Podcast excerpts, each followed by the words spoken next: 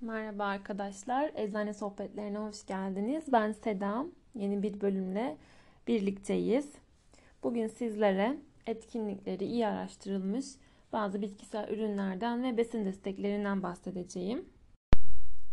Bitkisel ürünler, besin destekleri hepimizin artık raflarda, marketlerde, internette çok fazla karşımıza çıkıyor.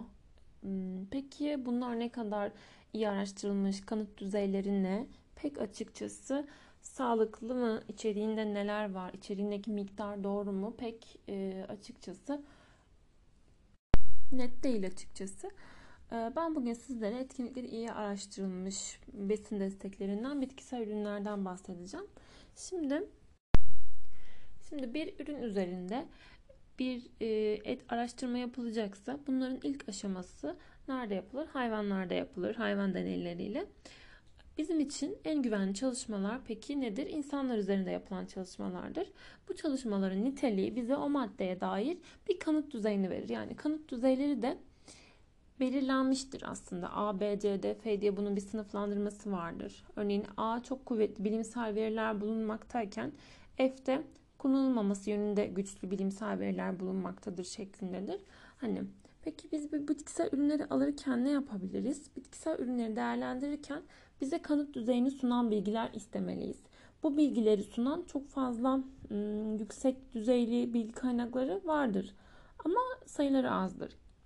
Şimdi genelde de bitkisel ürünlerin olumlu etkilerine dair bitkilerin e, bilgilerin kanıt düzeyi C seviyesindedir. Bu C seviyesi de kullanımı için işte belirsiz bilimsel veriler bulunmaktadır. Peki bugün işte nelerden bahsedelim? Biz biraz daha kullanımı güvenli olanlardan, eczanelerden e, temin edebileceğiniz takviyelerden bahsedelim. İlki eklem sağlığında kullanılan glikozamin, kondroitin sülfat ve MSM dediğimiz metil sülfometan. Şimdi glikozamin bir amino şeker yapısındadır. Yapısına bakarsak ilk önce ve eklem sıvısının yapısına katılır. Ve eklem boşluğunda bulunan ve o sinoviyal sıvı dediğimiz sıvının kayganlığını arttıran bir maddedir glikozamin. Yapılan çok sayıda bilimsel araştırmada bu eklem hasarına bağlı şikayetlerin azaltılmasına yardımcı olduğunu göstermiştir. Kıkırdak yapısında bulunan o sülfür maddesinin kıkırdak tarafından alınabilmesi için de vücudumuzun glikozamine ihtiyacı vardır. Glikozaminin bu eklem hasarı bulunanlardaki hareket kısıtlılığını azaltmaya yardımcı olduğunu gösteren araştırmalar bulunmaktadır ve bunların yanı sıra eklemlerdeki hasarın ilerlemesinin de glikozamin tarafından durdurulabileceğini, önleyebileceğini gösteren çalışmalar da bulunmaktadır. Bir diğeri de kondroitin sülfat. Bunlar zaten e, eczanedeki preparatlarda da bakarsanız hep üçlü kombinasyon şeklindedir. Kondroitin sülfat da eklem sağlığının korunmasında çok önemli görevleri olan doğal yapıda bir maddedir. Ve kıkırdak yapısında bulunan bulunması gereken diğer bazı önemli maddelerin de vücut tarafından üretimini destekler kondroitin sülfat. Ve en önemli özelliklerinden birisi de o kıkırdak dokusunun suyu tutmasını sağlar kondroitin sülfat. Ve yapılan uzun süreli çalışmalarda da kondroitin sülfatın eklemleri hasar görmüş olan kişilerdeki şikayetleri azalması, azaltmasına yardımcı olduğu da saptanmış. Eklem ve kıkırdakların esnekliğinden sorumlu olan ve kolajen adı verilen maddenin de üretilmesine yardımcı olan bizim metil sülfometan dediğimiz yani MSM diye görebilirsiniz. Ee, doğal bir organik sülfür kaynağıdır MSM'de. Antioksidan yapıdadır. Antioksidan yapısının yanı sıra da doku bütünlüğünün korunmasında da oldukça güzel destekleyici bir üründür. Peki bunun yanında başka neler yapabiliriz eklem sağlığımızı korumak için? Yaşam tarzı değişiklikleri de oldukça önemlidir. Burada sağlıklı beslenmek, fazla kilolarımızdan kurtulmak, düzenli bir egzersiz yapmak, eğer D vitamini seviyelerimiz düşükse bunu belli bir seviyede tutmak, kalsiyum desteği almak gerekebilir. Yine kalsiyum kemiklerimizin temel yapısını oluşturur. Bu ilkokuldan beri bildiğimiz bir bilgidir. D vitamini de o vücuda, vücudumuza aldığımız kalsiyumun kemiklere geçmesinde rol oynar. Şimdi burada bunlardan bahsettiğim bunların yanında kolajen çok önemli bizim için. e, yine yumurta kabuğu zarı, bromelin, kurkumin, bovselya özü ve e, diğer takviyeler takviye olarak önerebilirim sizlere. Fakat bu takviyelerin standartize edilmiş olması gerekir kullanmamız için mutlaka. Şu standartizasyon bir ürünün e, içeriğindeki miktarı bize doğru bir şekilde veren çok önemli bir e, prosedürdür. Buna dikkat etmek gerekir. Şimdi e, bir de iltihap giderici özelliği yani antiinflamatuar özelliği nedeniyle de e, omega 3 asitlerinin de ağrıyı azaltmada da etkili olduğu gözlenmiştir. Yani omega 3 takviyesi kullanmak da bence çok önemli. Ben de düzenli bir şekilde kullanıyorum ve oldukça faydasını görüyorum. Yani özellikle de spor yapıyorsanız ben de spor yapıyorum. Hani ekstra kullanmanızı ben gerçekten tavsiye ederim omega 3'ü. Şimdi bu eklem hastalıklarında da birazcık hani bahsedersem osteoartrit var. Ee, bir de romatoid artrit var. Osteoartrit nedir?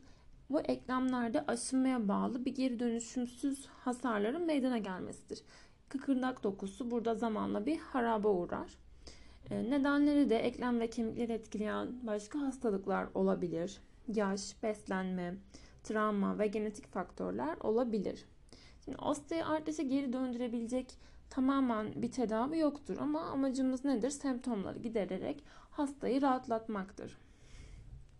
Romatoid artritte kişinin e, bağışıklık sisteminin herhangi bir nedenle o eklemlere karşı savaşması sonucu oluşan iltihabi bir eklem hastalığıdır ve bu genç yaşlarda da görülebilir. Burada glikozaminle ilgili söylememiz gereken bir şey var bir de hani onu da hatırlatayım. Glikozamin dediğimiz gibi hani glikoz amin amino şeker yapısında olduğu için eğer ki diyabet hastasıysanız ya da insülin kullanan diyabet hastaları glikozaminin bu şeker yapısından dolayı doktora danışmadan bunu kullanmamalıdırlar. İnsülin kullanmayan diyabet hastaları da e, takip şartıyla bunu kullanabilir. Günlük kullanım dozu e, genelde 1500 mg'dır glikozamin için. Kondroitin için de 1200-1500 mg arasında olur. Eklem sağlığı e, eklem sağlığı hakkında söyleyeceklerim bu kadardı. Bir diğer şimdi maddemize geçeceğim. Ginseng. Ginseng e, duymuşsunuzdur ginseng de diye düşünüyorum. Hmm, Çince ginseng insan şekilli kök anlamına geliyormuş hmm, anlamı. Hatta şekline bakarsanız internetten cidden böyle bir insanı da andırıyor kökü böyle. Farklı bir yapısı var. Ginseng panax bitki familyasına ait bir bitki. Ee, bunun aktif maddesi yani etkiden sorumlu maddesi ginsenozit dediğimiz ya da diğer adıyla panaksosit dediğimiz bir madde. En yaygın kullanılanları genelde Çin ginsengi dediğimiz Çin ya da Kore menşeli olan Panax ginseng. Diğerleri de yine Sibirya ginsengi var, Amerikan ginsengi, Brezilya ginsengi gibi tipleri de var. Bunun içinde tabii ki aktif, etkinlik gösteren diğer bir sürü de aktif maddeler var. Steroller, flavonoidler, peptitler, vitaminler, mineraller, enzimler bir sürü yapısında e, bileşen var yine. Ama ginseng e, genelde elde edilmesi zor bir ürün. Yine çeşitli dozlarda ginseng içeren ürünlerden sadece %25'inde gerçekten ginseng tespit edildiği öne sürülmekteymiş.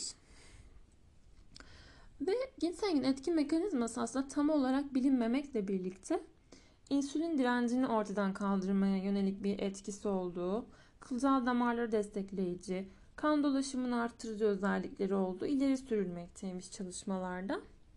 Ee, yine solunum yollarını genişletici bir etki gösterdiği, bu etkinin de kullanıcıların yani günlük yaşam kalitesini, günlük fonksiyonlarını olumlu yönde desteklediği ileri sürülmekteymiş. Şimdi bazı bilimsel araştırmalar ginseng kullanımı sonucunda da erkeklerdeki sperm sayısında ve hareketliliğinde de önemli bir artış olduğunu göstermiş. Şimdi ginsengin damar yapısını destekleyerek kan dolaşımını arttırdığı öne sürülüyor. Bu konularda e, faydalı olduğuna dair bilimsel çalışmalar aslında çok biraz çelişkili. Hmm, bunun yanında da ginseng kullanan hemen herkes ama kendini böyle bir daha iyi hissetme nedeniyle belki bir e, plasebo etkisi hani içinde ilaç olmayan bir hap verirsiniz. Hani insan kendini hemen iyi hisseder.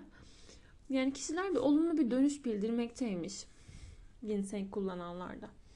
Ancak burada dikkat edilmesi gereken bir şey de kalp rahatsızlığı olan ileri yaştaki hastalar hem çok fazla sayıda ilaç kullanıyorlar hem bu durumdan dolayı e, ve genelde de pıhtılaşma önleyici ilaç kullandıkları için antikoagülan ilaçlar dediğimiz bunlarla ginsengin etkileşebileceği de dikkate alınarak hani yaşlılarda ve eğer ki bir pıhtı önleyici ilaç kullanıyor kullananlarda kullanımı sırasında çok dikkatli olunması gereken bir durum.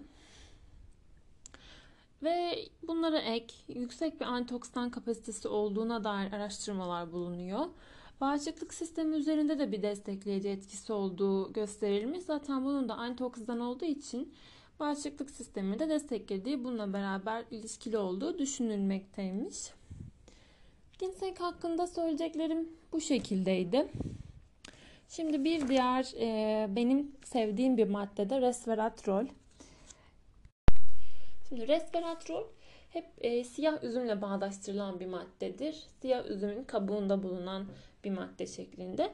Resveratrol üzüm çeşitlerinde, baklagillerde, yer fıstığı, soya fasulyesi, nar gibi birçok bitkide bulunabiliyor. Bunların bu bitkilerin kabuğu dış parazitlerden korumak için üretiyor aslında bu maddeyi. Deney hayvanlarında yapılan çalışmalarda da resveratrolün antitümör, antioksidan, yaşlanmayı geciktiren, yaşamı uzatan etkileri bulunmuştur. Ancak insanlarda yapılan çalışmalarda bağırsaklardan emiliminin çok az olduğu tespit edilmiştir. Şey de böyle zerdeçal duymuşsunuz. Zerdeçal da çok faydalı bir madde ama emilimi çok çok az. Yani resveratrol çok güzel etkinlikleri bulunmuş. Bu yüzden de belki ileride bir ilaç olma yolunda görebiliriz. İlaç olabilir diye ben düşünüyorum.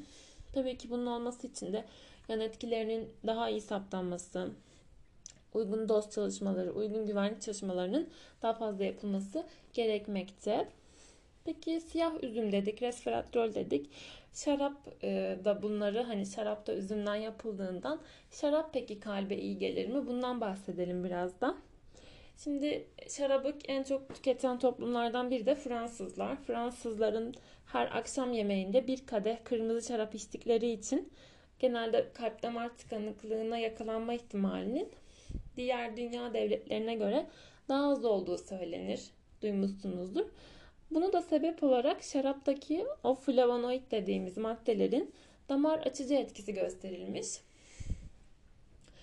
Ancak günümüzde de bunun sebebinin şarap değil, özellikle o siyah üzümün kabuğunda bulunan resveratrol maddesi olduğu fikri öne çıkmış biraz daha.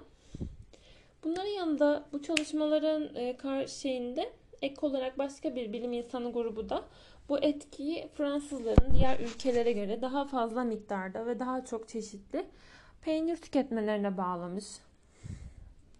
Yani bu insanların çalışma alanı gıdaymış bu bilim insanlarının. Özellikle peynirin ve e, mavi peynir çeşitlerinin kolesterol sentezini engellediklerini öne sürmüşler. Yani çok fazla farklı çalışma var aslında. E, ayrıca Fransızların tabii ki bunlar sadece şarap içtim, kalbim, kalp sağlığım iyi geldi Tabii ki bunun yanında iyi beslenme özelliklerinin bazıları, yemeklerini daha küçük porsiyonlar halinde olması, bol bol sebze meyve tüketmeleri, yine televizyon izlerken atıştırma alışkanlıkların olmaması da bunlara ek e, yani ek söyleyebiliriz. Yani burada her gün içilen şaraptaki ya da diğer içkilerdeki alkol bizim için ilaç değildir. Yani alkolün vücuda verdiği zararlar da zaten ayrı bir konu. Ee, ama eğer ki amacımız bizim hani resveratrol almaksa bunu maddeyi yani beslenerek sağlığımızı hiç riske atmadan mevsiminde taze sebze, e, meyve yani üzüm çeşitlerini yiyerek mevsimi dışında da işte mesela e, üzüm suyu içerek yani kolayca sağlayabilirsiniz. Ya da güzel bir resveratrol takviyesi, güvenli bir takviye alabilirsiniz eczaneden. Hani bu şekilde faydalarından yararlanabiliriz. Benim anlatacaklarım bu kadardı. Beni dinlediğiniz için teşekkür ederim. Sorularınız olursa Instagram üzerinden, eczane sohbetleri üzerinden sorabilirsiniz. Bir başka bölümde görüşmek üzere. Kendinize iyi bakın. Herkese merhaba, ben Seda. Eczane sohbetlerine hoş geldiniz. Ben araştırma görevlisiyim. Sizlerle e, bu platformda sağlık, mesleğimle ilgili ve spor konularında hem bilgilendirici hem de eğlenceli konulardan konuşmak istiyorum. Müzik